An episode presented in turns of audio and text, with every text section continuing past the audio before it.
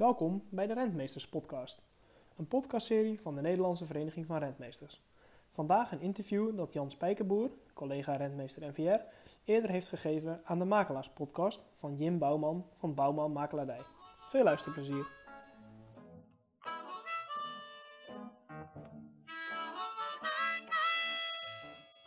Wat is de waarde van grond? Hoe kan je het kopen? En hoe wordt er bepaald waarvoor het gebruikt mag worden? Vandaag spreek ik hierover met Jan Spijkerboer, een rentmeester met ruim 30 jaar ervaring in binnen- en buitenland. Ben je benieuwd naar een bepaald fragment? Check dan de omschrijving voor de tijdstempels. En nu het interview met Jan Spijkerboer. Goedemorgen Jan. Goedemorgen Jim. Zoals altijd begin ik deze podcast met hoe ben je in de vastgoed, of in jouw geval, hoe ben je in het rentmeesterschap terechtgekomen? Ja, nou, dat is alweer een tijdje geleden. Ehm, ik ben uh, na mijn opleiding op de Hogere Bosbouw en Cultuurtechnische School, zo heette dat toen nog in die periode, en ik had cultuurtechniek gestudeerd en ik was afgestudeerd in 1983. En het was vrij lastig om aan het werk te komen. Uh, het was in die tijd niet makkelijk om uh, ergens een plekje te vinden. En met heel veel moeite is me gelukt om bij Staatsbosbeheer op tijdelijke basis aan het werk te gaan. En eigenlijk heb ik bij Sabosbeer uh, uh, geleerd als eerste van uh, wat, is het, wat hebben we te maken met vastgoed. Maar vooral met het beheer van het vastgoed. Want dat was natuurlijk een natuurorganisatie die het beheer heeft van allerlei terreinen in Zeeland en in Zuid-Holland. En toen ik vervolgens de overstap maakte van Stad Bosbeheer naar dienstlandelijk gebied, als in grondverwerving, kwam ik nog steeds dichterbij zeg maar, het vastgoed, het landelijk gebied en de grondverwerving, de aankopen daarvan. En toen ben ik eigenlijk op dat moment ook uh, rentmeester geworden en lid van de Nederlandse Vereniging van Rentmeesters. Omdat ik wel zag dat het wel goed was om met elkaar als collega's elkaar te treffen, informatie uit te wisselen en te weten wat er speelt. Dus dat is een beetje het moment geweest waarop ik inderdaad uh, gestart ben met uh, mijn werkzaamheden in het vastgoed. Naast als het beheer, uiteindelijk dan zeg maar in de verwerving bij dienstlandelijk gebied. Ik heb uiteraard uh, uw LinkedIn-pagina ook bekeken en daarop gezien uh, bij welke werkgevers u aan de slag bent geweest. Ja. En het viel mij op dat het ongeveer tien jaar was voordat u van de ene naar de andere overstapte. En ja. ik was benieuwd waarom u die, die keuzes heb, heeft gemaakt. Nou ja, het zijn uh, uh, altijd een beetje toevalligheden. Kijk, van Sabosbeer merkte ik dat ik niet verder kon in de ontwikkeling binnen dat bedrijf. Dus dan ga je een keer een moment kijken van, kan ik wat anders? En ik vond het heel boeiend om als grondverwerver aan de slag te gaan bij dienstlandelijk gebied. Omdat daar nou ja, in, in, in Zuid-Holland er heel veel speelde en ik dus daar een mooie bijdrage in kan leveren. Daar heb ik verschrikkelijk veel van geleerd. En dan vervolgens uh, merk je dat de organisatie uh, is een beetje aan het veranderen. Er kwam ook op dat moment dat de provincies een grotere invloed kregen op de werkzaamheden en de wijze waarop je dat moest doen binnen het dienstlandelijk gebied. later is dat ook opgeheven, dienstlandelijk gebied, en is zeg maar het meeste werk bij de provincie terechtgekomen. En ik voelde op dat moment toen van ja, ik weet niet of ik me in die rol wil vervullen. En toen werd ik gevraagd door iemand van Natuurmonumenten van, ja, we hebben een vacature als hoofd van de Rentmeestersclub en wil je daar komen werken? En toen heb ik gesolliciteerd en toen werd ik het. En daar was ik er heel blij mee dat ik dat heb gedaan. En dan vervolgens werk je tien jaar bij Natuurmonumenten of elf jaar. En dan denk je van ja, uh, is dit de plek of uh, wil ik ook nog wat anders uh, zien? En nou, ik ben nu 62, dus ik denk bij mezelf, nou, nog een keer een sprongetje maken, vier jaar geleden, naar het kadaster. is voor veel mensen een wereld dat ze denken van, wat moet je daar zoeken? Maar ik merk wel dat ik mij daar behoorlijk kwijt in kan en de dingen kan doen die ik leuk vind. Dus dat betreft denk ik van, nou. Dus het is toeval dat het eens in de tien, ongeveer 11, 10 jaar is. Maar ja, vier werkgevers in, uh, in 40 jaar. Nou, dat lijkt me toch wel een mooie opdeling in de tijd. Ja. Zeker. En voordat we wat meer over uw werkzaamheden bij het kadaster en, uh, en uw carrière hebben. Wat is een rentmeester? Ja, dat is een goede vraag. Want dat is veel, veel mensen denken dan. Uh, um, dat is zo'n meneer in zo'n uh, donkerbruin pak of jasje die dan door de treinen heen loopt. Dat komt ook wel voor. Maar kijk, in feite moet je weer terug naar de periode dat, dat, dat de rentmeesters waren. En het woord rentmeester zegt dat, je, dat, dat, de, dat het iemand was die de rente ophaalde. Zeg maar de pacht, de inkomsten van de terreinen. En feitelijk was je voor de eigenaar, was je de persoon die uh, zorgde dat het eigendom van de betrokkenen op een goede wijze werd beheerd, onderhouden. en dat de pachtpenningen en dat soort zaken allemaal werden opgehaald. Vroeger moest dan de pachter op bezoek bij de rentmeester op het rentmeesterskantoor om de pacht jaarlijks te betalen. Hè, of in twee helften, een half jaar en nog eens een half jaar. Nou, dat is natuurlijk tegenwoordig allemaal voorbij, dat gaat allemaal digitaal. Maar vroeger was dat nadrukkelijk, moest het op die manier gebeuren de, de rentmeester, de beheerder namens een eigenaar, een landgoedeigenaar of een andere particulier, dat zijn nog steeds rentmeesters binnen de Nederlandse Vereniging van Rentmeesters zodanig actief. Maar je ziet dat er een grotere groep, een veel grotere groep, zich bezighoudt met advisering. Bijvoorbeeld advisering voor overheden, aankoop van grond ten behoeve van een verbreding van een weg, aanleg van een fietspad, uh, realisatie van natuurgebieden. Dus die zitten veel meer in de verwerving aankoopkant. Uh, advisering over van, hey, uh, ik heb een probleem met mijn vastgoed. Wat moet ik er nu mee doen? Wat is verstandig? Dan heb je ook een groep die zich vooral bezighoudt met taxatie. Tegenwoordig is natuurlijk hier in Nederland uh, het zo dat je, ja, je moet gespecialiseerd taxateur zijn. En dat vraagt gewoon ook heel veel tijd. Dus je ziet ook dat een aantal van onze collega's ervoor keuze maken om meer te taxeren en zich meer daarop te richten. Dus je hebt verschillende uh, mensen, mensen die bij overheden werken, zoals ik bij een kadaster, maar ook bij stad en natuurmonumenten, maar ook bij Waternet, gemeente Amsterdam. Ehm, heb je rentmeesters rondlopen, maar je hebt ze ook um, ja, zelfstandige kantoren. Dus daar zit heel veel diversiteit in. En dat vind ik ook wel leuk als, je, als ik mijn collega's tref, want we hebben als Nederlands Vereniging van Rentmeesters um, ieder kwartaal een kringbijeenkomst. En dan komen alle mensen bij elkaar. Het is nu dan digitaal, maar voorheen kwam het dan fysiek zeg maar uh, bij elkaar. En dan, dan praat je gewoon over de actualiteit en de dingen die er spelen. En, en dan kon je best hebben dat diezelfde collega die je sprak, de volgende dag uh, aan een tafel in de onderhandeling aan de andere kant uh, meemaken. en, en dat was wel. ik heb altijd wel gemerkt dat dat ja, dat, dat maakt het wel A, leuk om het te doen. En B, ja, je, je, toch blijf je zakelijk daarin. Want je moet de vertegenwoordiger zijn van partij X of Y om, om dat voor elkaar te krijgen. Maar dat, dat is eigenlijk, het origine is dus terug in de tijd, uh, ook een beetje meer bijbels, van ja, de, de, vertegenwoordiger van de eigenaar. Um, nu is het veel meer um, een, een, een expert, een, specialist op het gebied van het landelijk gebied, die weet wat er speelt en gaande is. En uh, overheden, particulieren, um, nou, iedereen die, die maar met grond te maken heeft, adviseert en helpt. Ik had ook gezien dat de Nederlandse Vereniging van Rentmeesters een video op YouTube had geplaatst met wat een rentmeester is, met daar wat voorbeelden. Dus die zal ik ook in de omschrijving plaatsen voor mensen die, uh, ja. die meer informatie willen. Uh, om terug te komen op, uh, op uw carrière, omdat u, ik, ik ben overgestapt op u, maar we hadden het over ja. je en jij. omdat je nu bij het kadaster werkt, ben ik benieuwd hoe ziet het werk bij het kadaster er nu uit? Nou ja, kijk, het kadaster kennen wij allemaal als een organisatie. Als je in Nederland een huis koopt of een stuk grond koopt en je bent bij de notaris, dan uh, wordt het allemaal heel uh, gewichtige handtekeningen gezet. En dan vervolgens stuurt de notaris digitaal naar het kadaster om in te laten schrijven in de openbare registers. Uh, daar kennen wij allemaal het kadaster van. We kennen het kadaster ook van de mensen die de grenscorrecties of de grensaanwijzing gaan doen, dus de landmeters. Uh, de rijdende rechter, dat weten we ook allemaal. Dat, die, die mannen, die, die herkennen, of vrouwen herkennen we dan ook wel.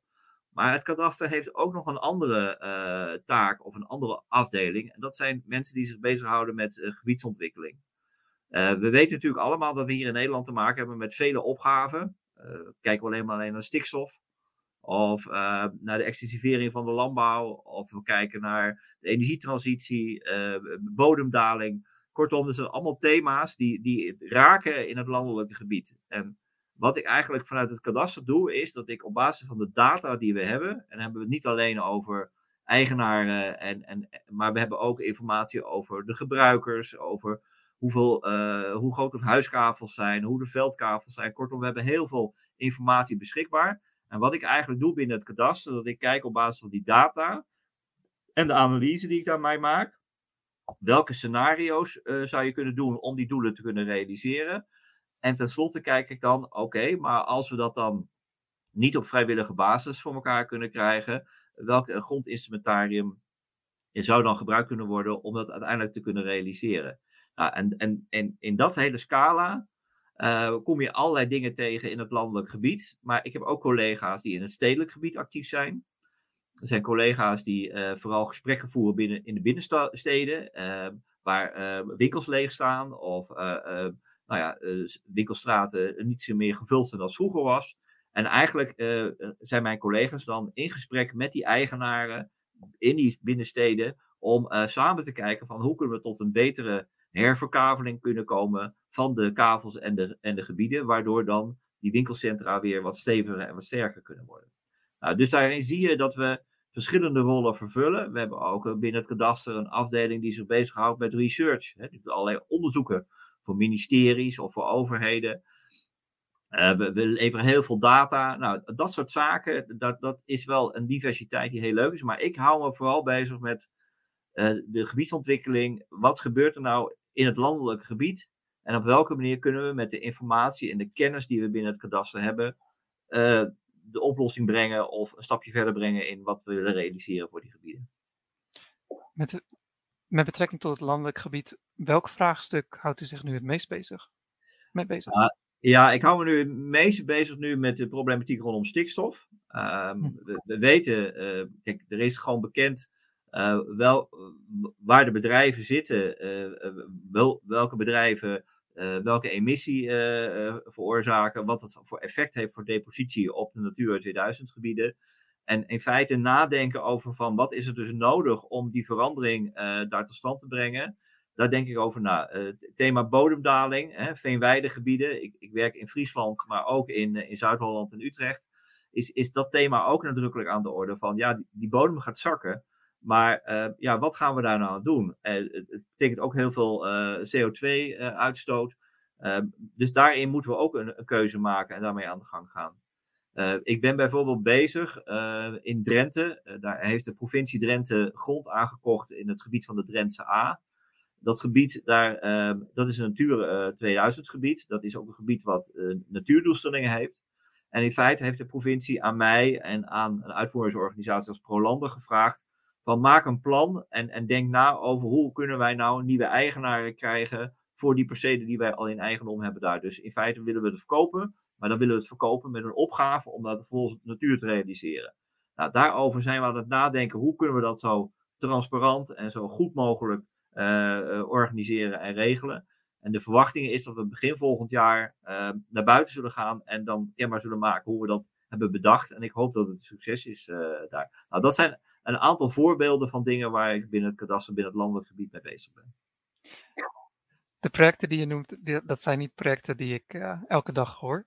En vooral het, laatste deel van uh, de provincie of een gemeente bezit wat grond, wil dat verkopen, maar onder bepaalde voorwaarden. Zou je wat meer uit kunnen leggen hoe dat proces eruit ziet? Als, om het uh, duidelijker te maken, als wij met makelaars een huis proberen te, uh, te kopen of verkopen, plaatsen we dat vaak op Funda. En mensen kunnen dat zien en die kunnen daar dan uh, aangeven dat ze willen bezichtigen, kunnen bieden enzovoort. Maar met grond zou ik niet eens weten waar ik, uh, waar ik moet beginnen. Nee, nou ja, ook, ook uh, op, op website van de NVM is staan bijvoorbeeld ook wel eens grond dat het te koop is. Maar je hebt gewoon een grote groep makelaars die in de grondbusiness zitten. Dus die, die hebben een eigen website en op die manier proberen ze de publiciteit daarmee te brengen. Um, maar wat, wat hier specifiek speelt, is dat een provincie, um, op basis van afspraken die daarover zijn gemaakt, uh, moet de provincie uh, grond altijd via een openbaar, transparant proces uh, verkopen. Dat wordt tot nu toe gedaan in een aantal provincies door gewoon een openbare inschrijving te organiseren, de publiciteit ervoor te zoeken, kenbaar te maken dat die grond te koop is. En dan kan jij een plannetje indienen en zeggen van nou, ik wil graag die natuur op die en die manier gaan beheren. En uh, ik heb er zoveel geld voor over om dat uh, te realiseren. En dan gaat de provincie dat beoordelen. En op basis van een bepaalde score wordt er dan gezegd, nou, uh, die scoort beter dan die. En nou, het geldbedrag is hetzelfde. Dus uiteindelijk kies ik ervoor om aan die partij die grond toe te kennen. We hebben in Drenthe over nagedacht dat ik dat iets anders wil omdat we eigenlijk zeggen van we willen niet hebben dat het een soort tombola wordt van je schrijft maar een plan en dan gaan we dat wel beoordelen en dat doen. Nee, wij, wij gaan nu werken naar een soort interactief uh, uh, systeem. Waar in feite mensen belangstelling kunnen tonen voor de percelen die er uh, zijn. En vervolgens op basis van die belangstelling En op basis van hoeveel mensen dat wel of niet willen. En we laten dan straks ook digitaal zien hoeveel mensen er interesse hebben voor een bepaald perceel. Ja, en dan zal er dus gewogen moeten worden van wie van, nou ja, zeg maar dat er vijf mensen voor hetzelfde perceel belangstelling hebben. Wie van die vijf mensen hebben nou de meeste uh, voorkeur om daaraan toe te delen? En waar kijken we dan naar? Dan kijken we van, uh, breng jij nog andere grond in die van belang zou kunnen zijn? Uh, hoe ver woon je daar vandaan? heb je in de nabijheid nog andere grond liggen die je ook als zodanig beheert? ben je bereid om gecertificeerd natuurbeheerder te worden? Dus kortom, er worden een aantal criteria worden dan beoordeeld. En uiteindelijk hebben we in Drenthe gezegd van we willen um, kijken of die, um, die beoordeling uiteindelijk bij een commissie komt. Bij een commissie die beoordeelt om te zeggen van nou, dat, als we moeten wegen tussen twee of drie personen, wat doen we dan? Wat, wat, welke wanneer we dat het beste? Nou, daar zijn we mee bezig om dat verder nu uit te werken en te bedenken. En nou, ik kan er nog niet verder veel, veel meer over zeggen, maar dat is eigenlijk wat we in, in, in januari, februari uh, naar buiten willen brengen. Ja. Als we met dit voorbeeld doorgaan, het, het zou in een andere situatie ja. kunnen plaatsvinden, maar als um, een gemeente of iemand verkoopt grond onder het voorbouw dat het voor uh, natuurgebied bestemd is. Ja. En waarom zou een private partij dat grond kopen? Want vervolgens zit ik erover na te denken dat er alleen maar kosten aan vastzitten om het natuur uh, ja. Te behouden. Nou, dat, kijk, het, het, het, dat klopt. Uh, het, is niet goedkoop. Uh, het kost geld. Um, maar goed, op het moment dat jij een huis koopt en je weet dat je moet gaan verbouwen, dan kost dat ook geld. Dus dat is ook een keuze die er ligt. Um, nee, maar het is ook een, een, een, keuze of je iets wel of niet wil doen. En je ziet gewoon dat een groot aantal mensen echt nu wel zeggen van ja, ik wil echt actief een rol spelen om te zorgen dat de biodiversiteit uh, in stand blijft en als zodanig uh, aanwezig is. Uh, je ziet nu ook landelijke ontwikkelingen als bijvoorbeeld Land van Ons of Aardpeer, die nadrukkelijk zeggen van wij willen een bijdrage leveren om die verandering tot stand te brengen. Want we zien dat het niet goed gaat in het landelijk gebied. de kwaliteit van natuur en landschap op, gaat op achteruit en we willen daar een verandering in aanbrengen. Dus er zijn best partijen die daar uh, belangstelling voor hebben. En je moet ook weten, Jim, dat uh, als je natuurbeheer doet, uh, dan kan je in aanmerking komen voor subsidies van de provincie. om niet volledig, maar laten we zeggen 85% van de kosten voor beheer vergoed te krijgen. Dus dat, dat, vandaar dat we ook zeggen dat je gecertificeerd natuurbeheerder moet zijn, want dan kom je in aanmerking voor die beheersubsidie. Dus er zijn wel mogelijkheden om dan uh, subsidies te krijgen. Maar je zal er ook een eigen bijdrage in moeten leveren. Uh, en daar is iedereen gelijk in Nederland. Hè? Dus dat zijn natuurorganisaties, particulieren, stichtingen, uh, weet veel. Het zijn allemaal in die zin gelijk aan elkaar en er is geen verschil tussen de een en de ander. En waarom, wil, waarom probeert de provincie dan of de gemeente grond te verkopen? Nou, omdat de provincie of gemeente eigenlijk zeggen van uh, wij zijn niet uh, een natuurbeheerder. Wij zijn niet uh, primair op aarde om natuurbeheerder te zijn. Nee, wij zijn als provincie of als gemeente een organisatie die het tijdelijk in eigendom heeft en vervolgens moet overdragen aan een eindbeheerder. dus vandaar dat je, dat je vaak ziet dat, dat toch provincies, nadat ze het gekocht hebben en, en, en in feite daar geld voor beschikbaar hebben gesteld, dat ze de volgende stap maken om uiteindelijk uh, die grond te verkopen. Uh, maar wel dan te zorgen dat het dus een eindbeheerder heeft uh, die passend is bij de doelstellingen die voor dat betreffende gebied gelden. En hoe wordt de waarde van een stuk grond bepaald? Ja.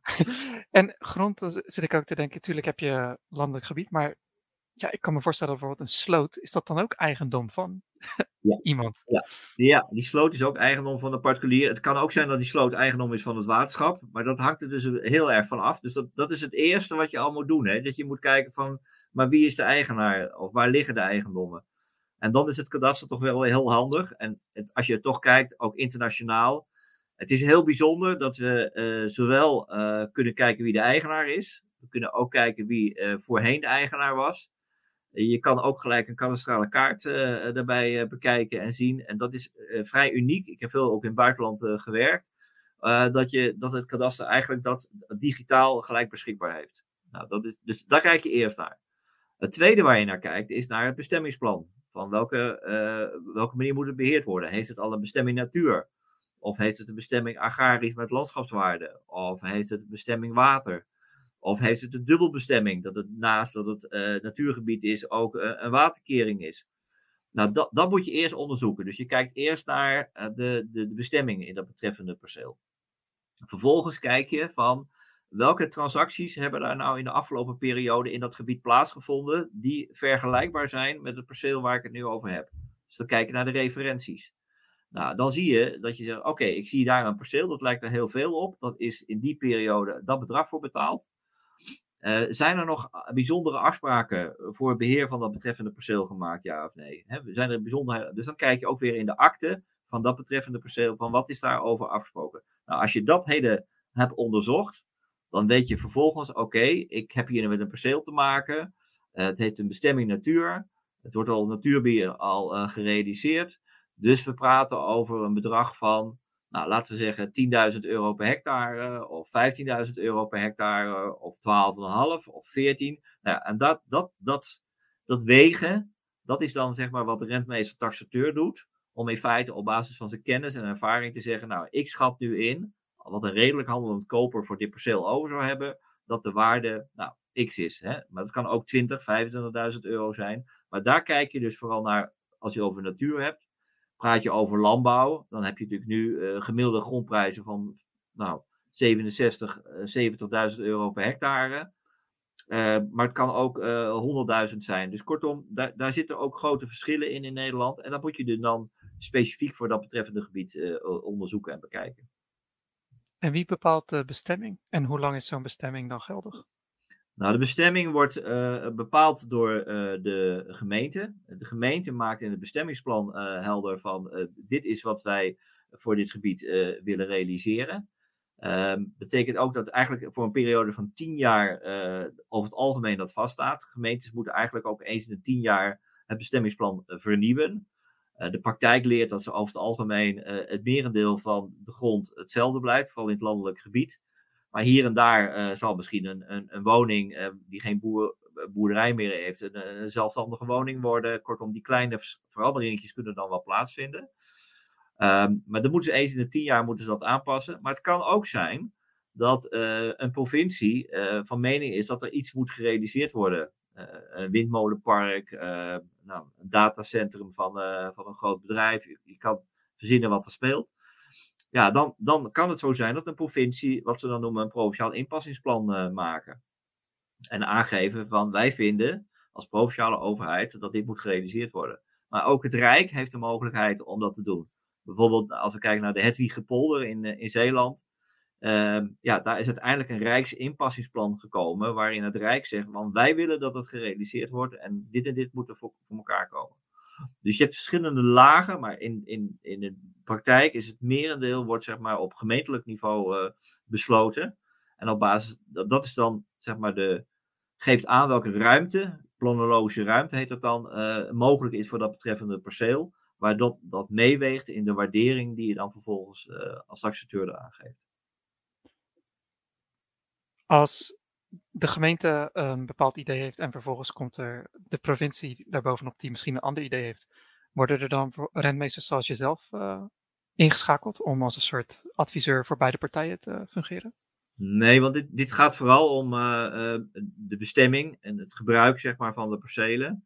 Um, kijk, de, de, provincie heeft de mogelijkheid om uiteindelijk een soort aanwijzing te geven aan de gemeente van ik wil graag, hebben dat het anders is. Um, dus er is heel veel overleg tussen gemeente en provincie in de voorbereiding van het bestemmingsplan om in ieder geval niet in die fase terecht te komen. En, en, maar in sommige gevallen uh, is een gemeenteraad een beetje eigenwijs en dan krijg je daar dus wel uh, procedures over. En uiteindelijk is het aan de Raad van State, als er bestuursrechtspraken, om daar een beslissing in te nemen van wat er dan uh, wel of niet mogelijk is. In de praktijk is het meestal zo dat, kijk, de discussie over de feitelijke bestemming is niet, aan, niet vaak bij de Raad van State. De Raad van State zegt het is aan het orgaan, hè, de gemeenteraad of provinciale staten, zelfstandig om dat besluit te nemen. Maar het gaat meer dan in de discussie over de regels en of die regels wel goed toe te passen zijn of uit te leggen zijn of verklaarbaar zijn. Dus daar zit vooral de Raad van State naar te kijken van is het dan volstrekt helder hè, waar we het over hebben en daar geen discussie over is. En zelfs als grond al jaren of decennia lang privé-eigendom is, wordt de bestemming nog steeds bepaald door een overheidsinstantie. Ja, klopt. Ja, ja. dus in feite, mensen zeggen altijd van ja, maar ik ben eigenaar, dus ik mag het zelf bepalen. Ja. Dat is dus niet zo. Ehm, natuurlijk, als het een stukje bos is en de gemeente heeft als het bos aangegeven, mag je het best als bos beheren. Dan zal de gemeente ook niet zeggen van uh, dat doe je verkeerd, dat kan niet zo. Uh, natuurlijk op het moment dat je alle bomen in het bos omzaagt en er niks meer laat staan, ja, dan zal de gemeente daar wel natuurlijk uh, over beginnen. Maar in feite ben je dus afhankelijk als grondeigenaar van wat de gemeente uiteindelijk voor jouw perceel voor ogen heeft. En je kan daar natuurlijk op reageren, want als de gemeente zegt, nou, we willen graag daar een, natuurbestemming op zetten. En dan gaan we helemaal strenge regels zetten van wat er wel of niet mag. En jij zegt, nou, ik wil graag hebben dat het landbouwgrond blijft. Nou, dan kan je daarover een, een zienswijze indienen bij de gemeente. En je kan in beroep gaan en uiteindelijk naar de Raad van State. Dus, dus je, je, je, kan, je kan daar wel wat mee. Om, maar uiteindelijk is de bevoegde instantie die daar het besluit over neemt, is een gemeente, een provincie of het Rijk uh, daarin. Ik had gelezen dat je ja, in Hongarije, in Malta en ook uh, Litouwen. Uh, Dat je daar een project hebt gedaan. En waarschijnlijk nog wel andere projecten ook in het buitenland. zou je daar wat meer over kunnen vertellen? En wat dan de verschillen zijn ten opzichte van Nederland? Ja, nou, ik heb dat vooral in een periode gedaan dat ik bij dienstlandelijk gebied werkte. Um, en ik, ik ging daar niet heel vaak naartoe, maar ik werd zeg maar vanuit mijn expertise als iemand die met grondzaken te maken had, werd ik ingeschakeld. Ik heb een project in Hongarije gedaan, want daar was ook steeds veel staatseigendom. En daar hebben we toen gekeken van hoe kunnen we de ervaring en de kennis over landinrichting gebruiken in Hongarije om, om daar die verbetering tot stand te brengen. Dus toen heb ik vooral mijn expertise vanuit uh, zeg maar, mijn grondkennis heb ik toen toegepast daar op, uh, op Malta, of op, uh, in Hongarije. Ehm, vanuit dienstlandelijk gebied werd ik ook gevraagd om op Malta te kijken. Want wat daar speelde is dat, dat heel veel grond in eigendom is van de katholieke kerk. Die zijn allemaal verpacht. Maar in de, in de, in de pacht in, op Malta is het geregeld dat als jij als pachter het over wil dragen aan je kinderen, dan ben je dat vrij om dat te doen. In Nederland is het zo dat op het moment dat je de pacht overdraagt aan uh, iemand anders, uh, een familielid, dan moet er toestemming komen van de verpachter, van de eigenaar. Maar in Malta is dat vrij. En wat gebeurde er? Als je daar een perceeltje had, iemand had een perceeltje beneden in het dal, halverwege de berg en boven op de berg, je had drie kinderen, dan kregen alle drie de kinderen kregen een stukje beneden, in het midden en boven op de berg. Dus ontzettend versnipperd.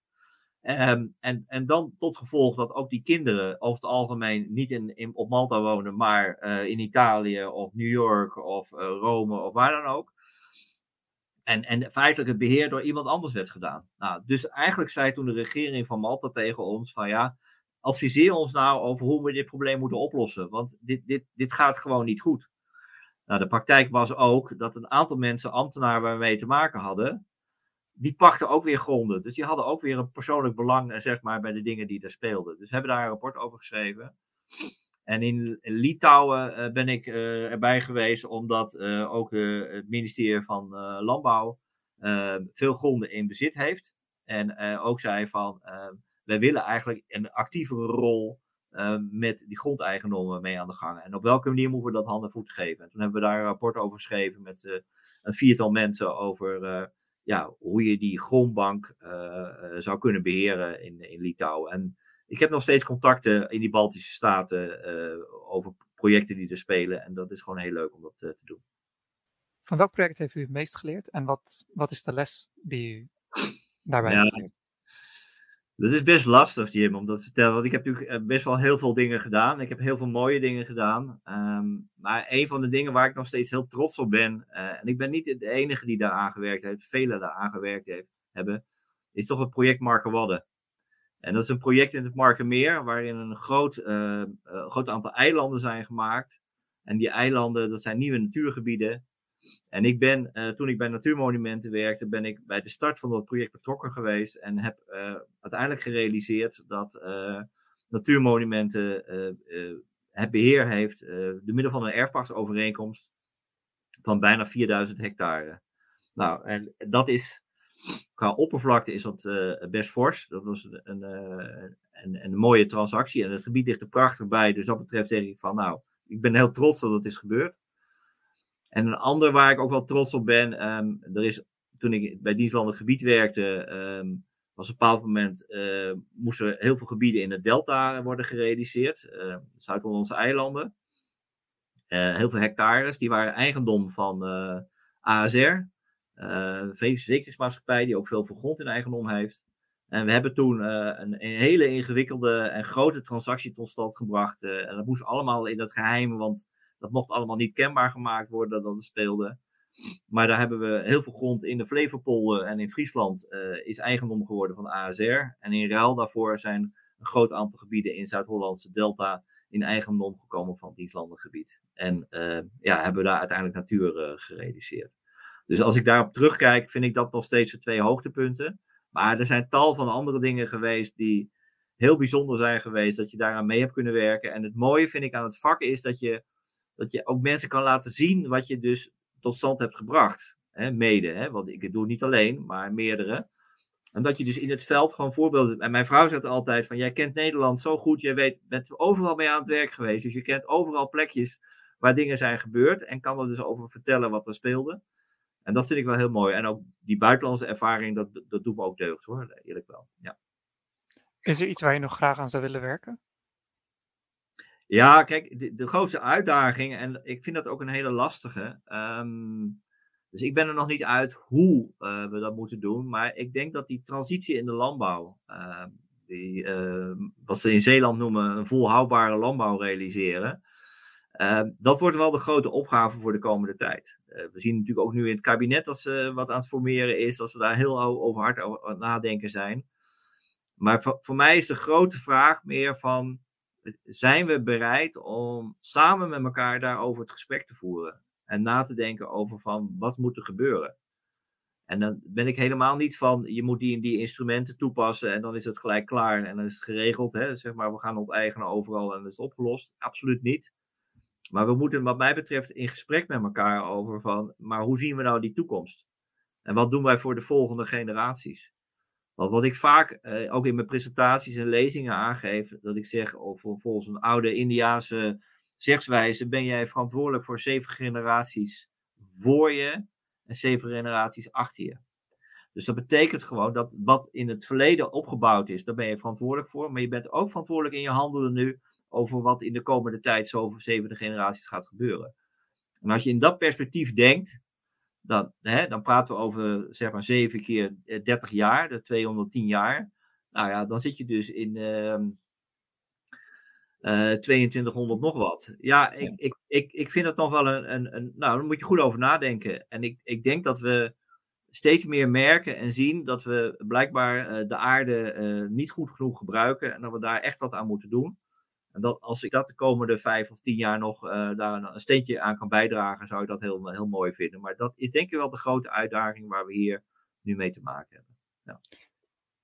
Aangezien ik nu al een paar jaar in Japan woon, weet ik niet exact wat je bedoelt met die transitie of deze kwestie waar het over gaat. Uh, dus zou je dat wat meer uit kunnen leggen? Ja, dat is goed. Kijk, in feite uh, als we praten over de landbouw, um, um, sinds eh, zeg maar, de Tweede Wereldoorlog, uh, 1945, 1950, uh, was het adagium heel duidelijk van nooit meer honger. dus we moeten produceren. We moeten meer en meer gaan produceren. En we hebben toen ook, mede naar aanleiding van Marshallhulp uit Amerika, maar ook onder leiding van de oud-minister van Landbouw Mansholt, is er nadrukkelijk gekeken van hoe kunnen we nou de omstandigheden in de landbouw verbeteren. En daar zijn heel veel ruilverkavelingen geweest in de, in de jaren 60, 70, 80 en 90. Om eigenlijk die, die omstandigheden voor de landbouw te optimaliseren. Um, en ook de, de machines zijn verbeterd. Uh, hè, de, vroeger reden we met paard en wagen. Dat heb ik net als jong, jongetje ook nog wel meegemaakt. Uh, maar nu zijn het grote tractoren. Dus dat, dat is een hele andere wereld geworden. We zijn echt veranderd.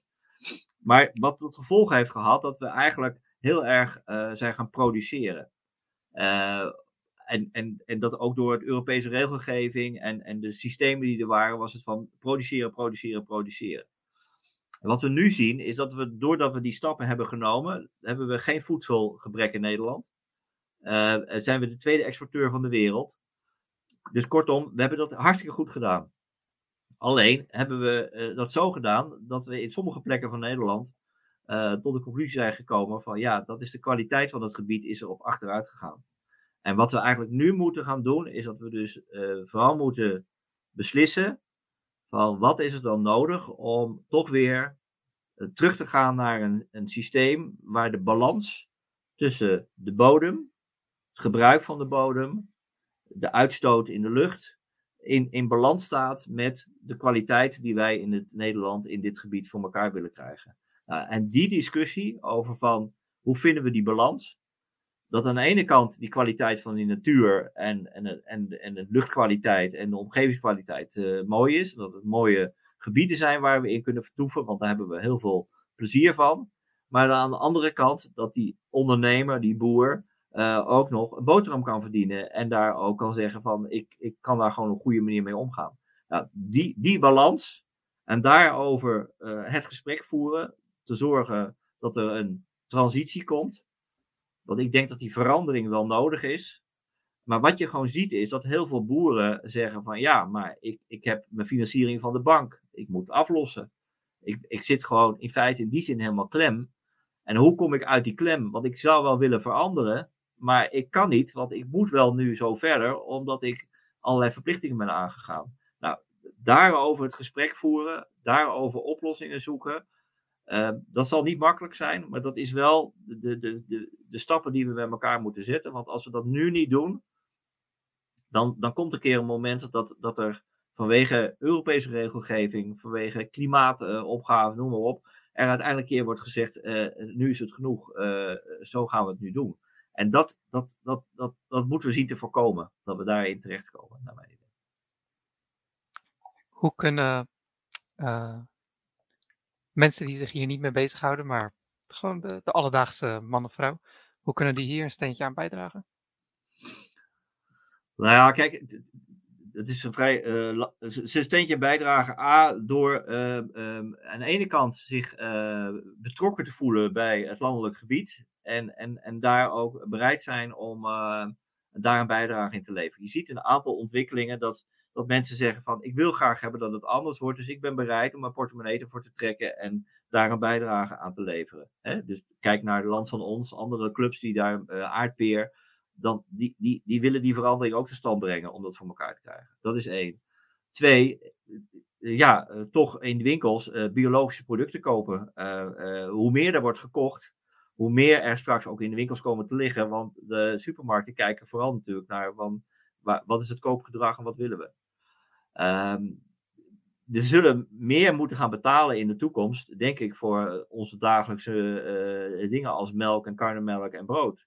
Dat is relatief goedkoop uh, in Nederland. Uh, dus daar zullen we echt een verandering tot stand brengen, moeten brengen. Nou, en, en uiteindelijk moet natuurlijk die, die, die, dat geld wat wij betalen als consumenten, moet uiteindelijk bij die boer terechtkomen ehm, in de manier waarop hij het gebied beheert. En dat kan niet door middel van ecosysteemdiensten, hè, dat hij daarvoor subsidies voor krijgt. Maar uiteindelijk wil hij gewoon een, een eerlijke prijs voor zo'n eerlijke product wat hij uh, doet. Nou, en dat, die discussie en, en daarover een bijdrage leveren. Kijk, wij zijn, ik ben nu ook bezig in de buurt van Rotterdam. Daar heeft Natuurmonumenten een, een uh, geld gekregen van de postcode loterij om wat ze dan Rotterdam de Boer op noemen. Dat is het project om vooral de verbinding tussen de stad Rotterdam en het platteland tot stand te brengen. En het ideaalbeeld is eigenlijk dat, dat straks de producten van de boerderijen in Midden-Delfland, tussen Rotterdam en Delft, regelrecht naar, naar Delft of naar Rotterdam worden gebracht en daar verhandeld worden. En dat er dus niet meer naar de grote supermarktketens gaat, maar dat het op andere manieren plaatsvindt. Nou, daarover nadenken om die verbinding tussen stad en land voor elkaar te brengen, dat is wel de toekomst die ik nu zie, in ieder geval bij de grote steden. Wat ik merk gedurende het hele gesprek is hoe divers de kennis uh, die vereist is voor elk vraagstuk. Uh, de, er komt aardrijkskunde bij kijken, biologie bij kijken, de uh, financiële aspecten, juridische aspecten. Hoe zorg je ervoor dat je die kennis hebt, maar dat je ook die kennis blijft groeien? Ja. Nou ja, laat ik eerlijk zijn, ik weet niet alles. maar, maar wel veel. Maar ja, dat, dat, dat, die kennis, dat heeft, A, uh, dat heeft te maken met interesse. En ik denk dat heel veel rentmeesters dat ook hebben. Dat die echt wel ja, geïnteresseerd zijn in het vak.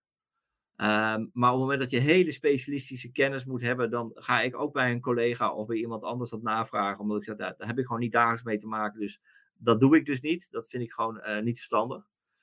heel veel lezen. we hebben binnen de Nederlandse Vereniging van Rentmeesters ook allerlei cursussen. waar je bijgepraat wordt voor de actuele ontwikkelingen die er plaatsvinden ik mag ook vaak presentaties geven. Dus dat, dat betreft probeer ik mijn kennis ook te verspreiden en kenbaar te maken. Maar het is veel lezen, kijken, luisteren, overleggen, afstemmen. En ja, kijk, ik, ik, ik zeg altijd, ik heb in natuurmonumenten gewerkt, maar ik kende niet alle plantjes en diertjes hoor, echt niet. Maar ik wist wel over juridische zaken die er speelden, of contracten, of de wijze waarop we dat moesten afspreken met elkaar. En die verbinding leggen met die ecoloog, die dan heel veel van die plantjes en diertjes weet. En ik vanuit het beheer en, en hoe regel ik dat juridisch. Nou, dat gesprek moet je samen met elkaar voeren. En ik denk dat je dan vooral elkaars expertise moet gebruiken om tot een product te komen waar we van zeggen, nou, daar zijn we heel tevreden over. Dat vinden we heel leuk. Dat wat is gelukt. Wat voor advies zou je hebben voor een beginnend rentmeester of iemand die momenteel studeert en die overweegt rentmeester te worden? ja, Ehm, het is een prachtig vak, eh, maar ga, zorg vooral dat je uh, verbreedt. Uh, ga overal eens even snuffelen. Want hè, je kan wel een ideaalbeeld hebben. Dat had ik vroeger natuurlijk ook. als, toen ik naar de opleiding begon. Van nou, dan ben ik iedere dag buiten. En dan, dan loop ik door de natuur. En dan, dan kon ik.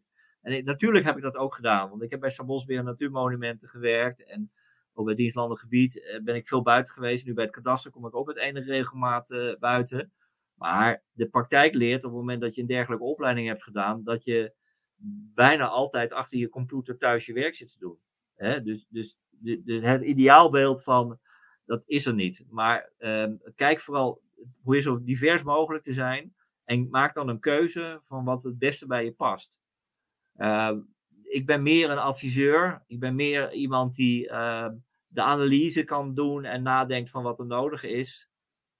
Dan dat ik, nou ja, zeg maar heel erg uitvoerend uh, in allerlei dingen ben. Dus dat, dat maakt wel dat je moet je rol zoeken en dan kijken van, nou, dat past het beste bij mij. En ik moet proberen daar een, een, functie of werkzaamheden in te vinden om het voor elkaar te krijgen. En je hebt tot dusver bij meerdere werkgevers gewerkt en ook hele mooie projecten in binnen- en buitenland mogen doen. Ja. Um, hoe heb je dat bewerkstelligd, dat je al die ja, kansen soort hebt afgedwongen?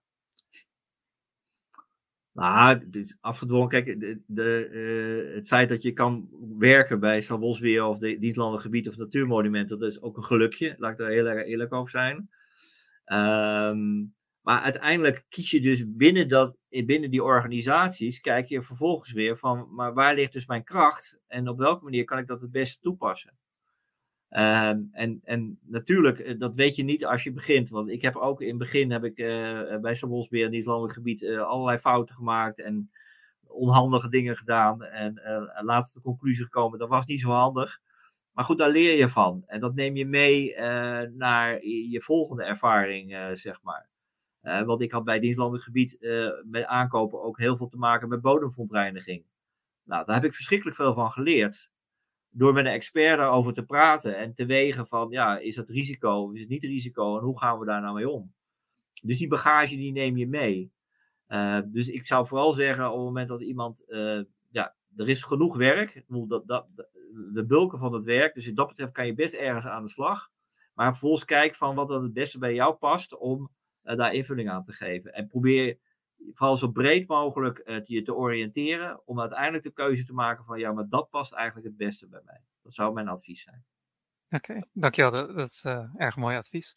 Ik wou nog eventjes een uh, stapje terug doen, teruggaan naar het ja. onderwerp over grondprijzen en vooral het landelijk of agrarisch grond. Ja. Want ik had in een artikel van een, volgens mij een lezing, die je had gegeven vorig jaar in Zeeland. Toen had je het over de prijs en maar het zei ook dat er Belgische investeerders zijn ja. in Zeeland. En ten eerste dacht ja, vond ik dat vrij bijzonder, maar tegelijkertijd dacht ik van er zijn ook uh, buitenlandse investeerders in huizen, dus wellicht is het niet zo bijzonder. Uh, maar de vraag die bij mij opkomt is, zijn er ja, de afgelopen 20, 30 jaar, zolang je uh, al werkt, zie je dat er meer investeerders zijn die grond, die dus in grond investeren, ten opzichte van ja, jaren Ja. geleden. Ja, nou, ik, ik zie die trend en ontwikkeling wel. Dat, dat, eh, eh, kijk, eh, wat ik, ik had net ook vorige week een gesprek met iemand waar ik zei van, kijk, voorheen als jij geld had, dan had je dat deels op de bank staan, deels in aandelen, deels in vastgoed. Dus je had een gespreide portefeuille, zeg maar. Nu dus er heel veel onzekerheden in de wereldmarkt zijn, zie je gewoon wel dat veel mensen denken, ja, die aandelen, eh, ja, gaat het wel eh, de kant op wat ik wil? En eh, ben ik daar wel tevreden over? En daarin zie je wel een trend nu dat, dat heel veel mensen zeggen van nou, ik strook mijn aandelenportefeuille af en ik ga nu veel meer beleggen in grond. Via beleggingsmaatschappijen of via andere entiteiten die worden bedacht. Je hebt ook heel veel families die tegen elkaar zeggen van ja, we hebben wel het bezit, maar we willen eigenlijk eh, dat groter maken. Dus gezamenlijk als familie eh, gaan we proberen meer grond in eigendom te krijgen. Dat is wel een trend die er komt. Eh, dat er veel Belgen in Zeeuws-Vlaanderen zitten, dat heeft eigenlijk een, een geschiedenis vanuit de middeleeuwen. Omdat toen kloosters vanuit België, Brugge, Gent, werden toen die monniken ingezet om het gebied van Zeeuws-Vlaanderen in ontwikkeling te nemen. Dat was toen allemaal moeras, allemaal waar je niet moest zijn. Nou, dat hebben ze allemaal zeg maar, landbouwgronden van gemaakt. En, en vandaar dat er dus heel veel Belgische eh, eigendommen zijn eh, in Zeeuws-Vlaanderen. Dus dat heeft een verklaring. Maar ook, er zijn er heel veel mensen uit België hè, met behoorlijk veel geld die zeggen van nou, eh, er zijn goede gronden in Zeeland. Ik, ik kan daar gewoon op een goede manier toch wel een redelijk rendement op realiseren. Dus weet je wat, ik investeer erin. Dus dat, dat zie je, die ontwikkeling zie je ook wel. Maar ik zie die trend landelijk ook, dat er steeds meer, meer in grond wordt geïnvesteerd. En dat er allerlei BV's achter zitten of andere partijen. Ehm, wat ik uit het onderzoek wat ik nu in Zeeland heb gedaan, eh, daar komt niet uit dat daarover heel veel mensen eh, uit eh, Mexico of uit Zuid-Amerika of waar dan ook allemaal investeren in Zeeland. Dat, dat beeld komt er echt niet uit. Dus dat is niet aan de orde. Ehm, er zijn wel veel mensen uit België en Duitsland die investeren in Zeeland, maar dat is van oudsher al. Ook in de recreatieparken dat dat veelvuldig voorkomt. Ehm, en ook veel mensen uit eh, Zuid-Holland en Utrecht die ook eh, op een vakantiepark in Zeeland eh, een huisje hebben. Ehm, maar de, ja, dus dat, dat gebeurt. Maar nou ja, ik, ik, ik zie wel dat, ik, dat, dat, dat die trend wel aan het zo is dat veel grote partijen toch eh, grondposities proberen te verwerven ehm, in het Zuid-Hollandse of in het Zeeuwse. Ja. En zie je dat als een positieve, negatieve of een neutrale ontwikkeling? Ehm, ja, ik, ik, ik heb zelf in Zeeland wel gezegd eh, tijdens die bijeenkomst die daar was: van ehm, jullie moeten maar aangeven of jullie daar problemen mee hebben of niet. Ik, bedoel, ik, ik ben een duider, ik ben een laat zien wat er speelt. Maar uiteindelijk is aan jullie om die beslissing daarover te nemen of je dat wel of niet eh, bedreigend vindt of te veel vindt. Wat je wel ziet is dat eh, op het moment dat er veel gronden in bezit zijn van mensen die niet daar wonen en werken, ehm, maar dat eigenlijk die producten van het land naar, naar België of naar, naar elders worden getransporteerd. Eh, dat betekent gewoon eigenlijk dat de, de infrastructuur als het gaat om eh, landbouwmachines, eh, loonwerk, dat gaat dan ook allemaal weg. En dat betekent gewoon dat voor de zittende agrariërs het veel lastiger wordt om een goede loonwerker te vinden, om, omdat er eigenlijk te weinig loonwerkers in dat gebied zijn. Dus het, het heeft dus neveneffecten.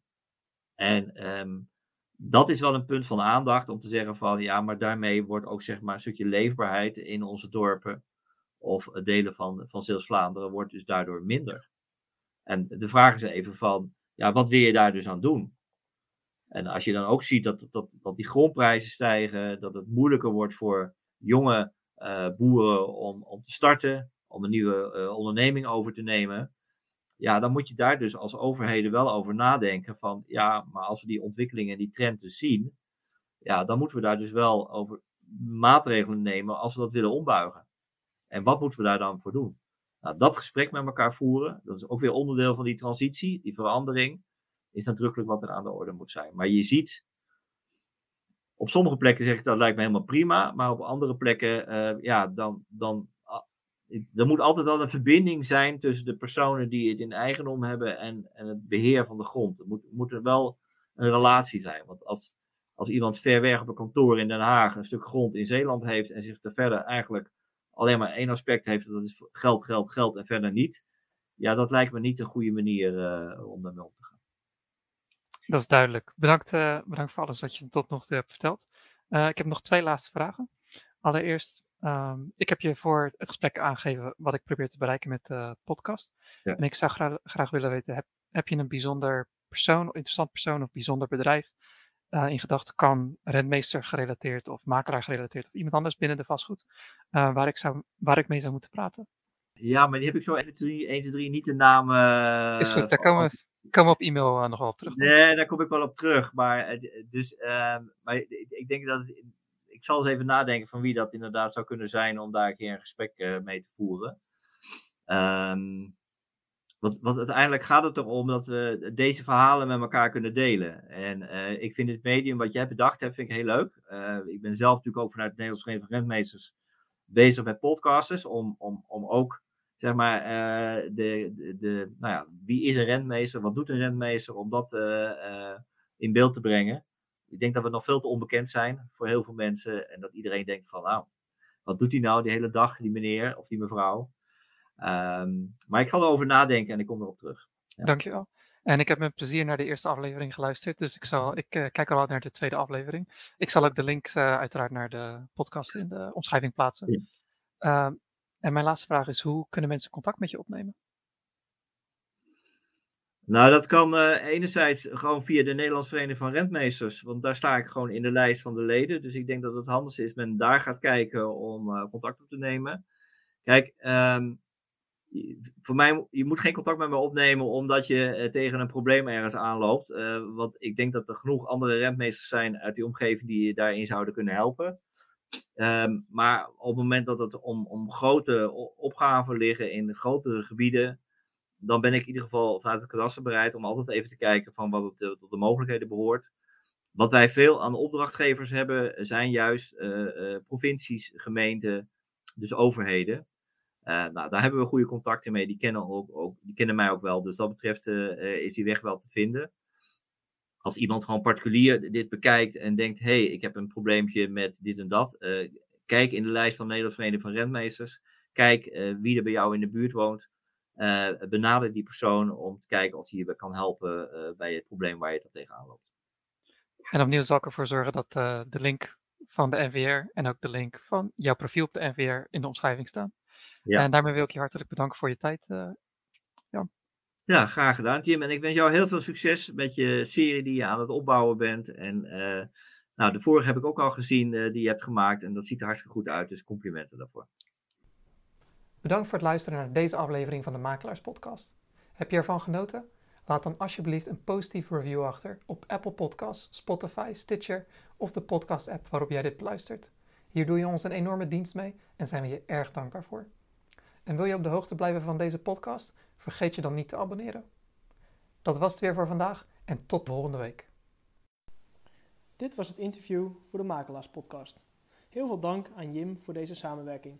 Kijk in de beschrijving voor een link naar de Makelaars Podcast met nog veel meer leuke afleveringen. We zijn ook benieuwd naar jullie reacties. Deze kunt u mailen aan info.rentmeesternvr.nl. Deze podcastserie wordt gemaakt door de Nederlandse Vereniging van Rentmeesters en in het bijzonder door Koen Paul, Jan Spijkerboer en mijzelf, Marten Corvage.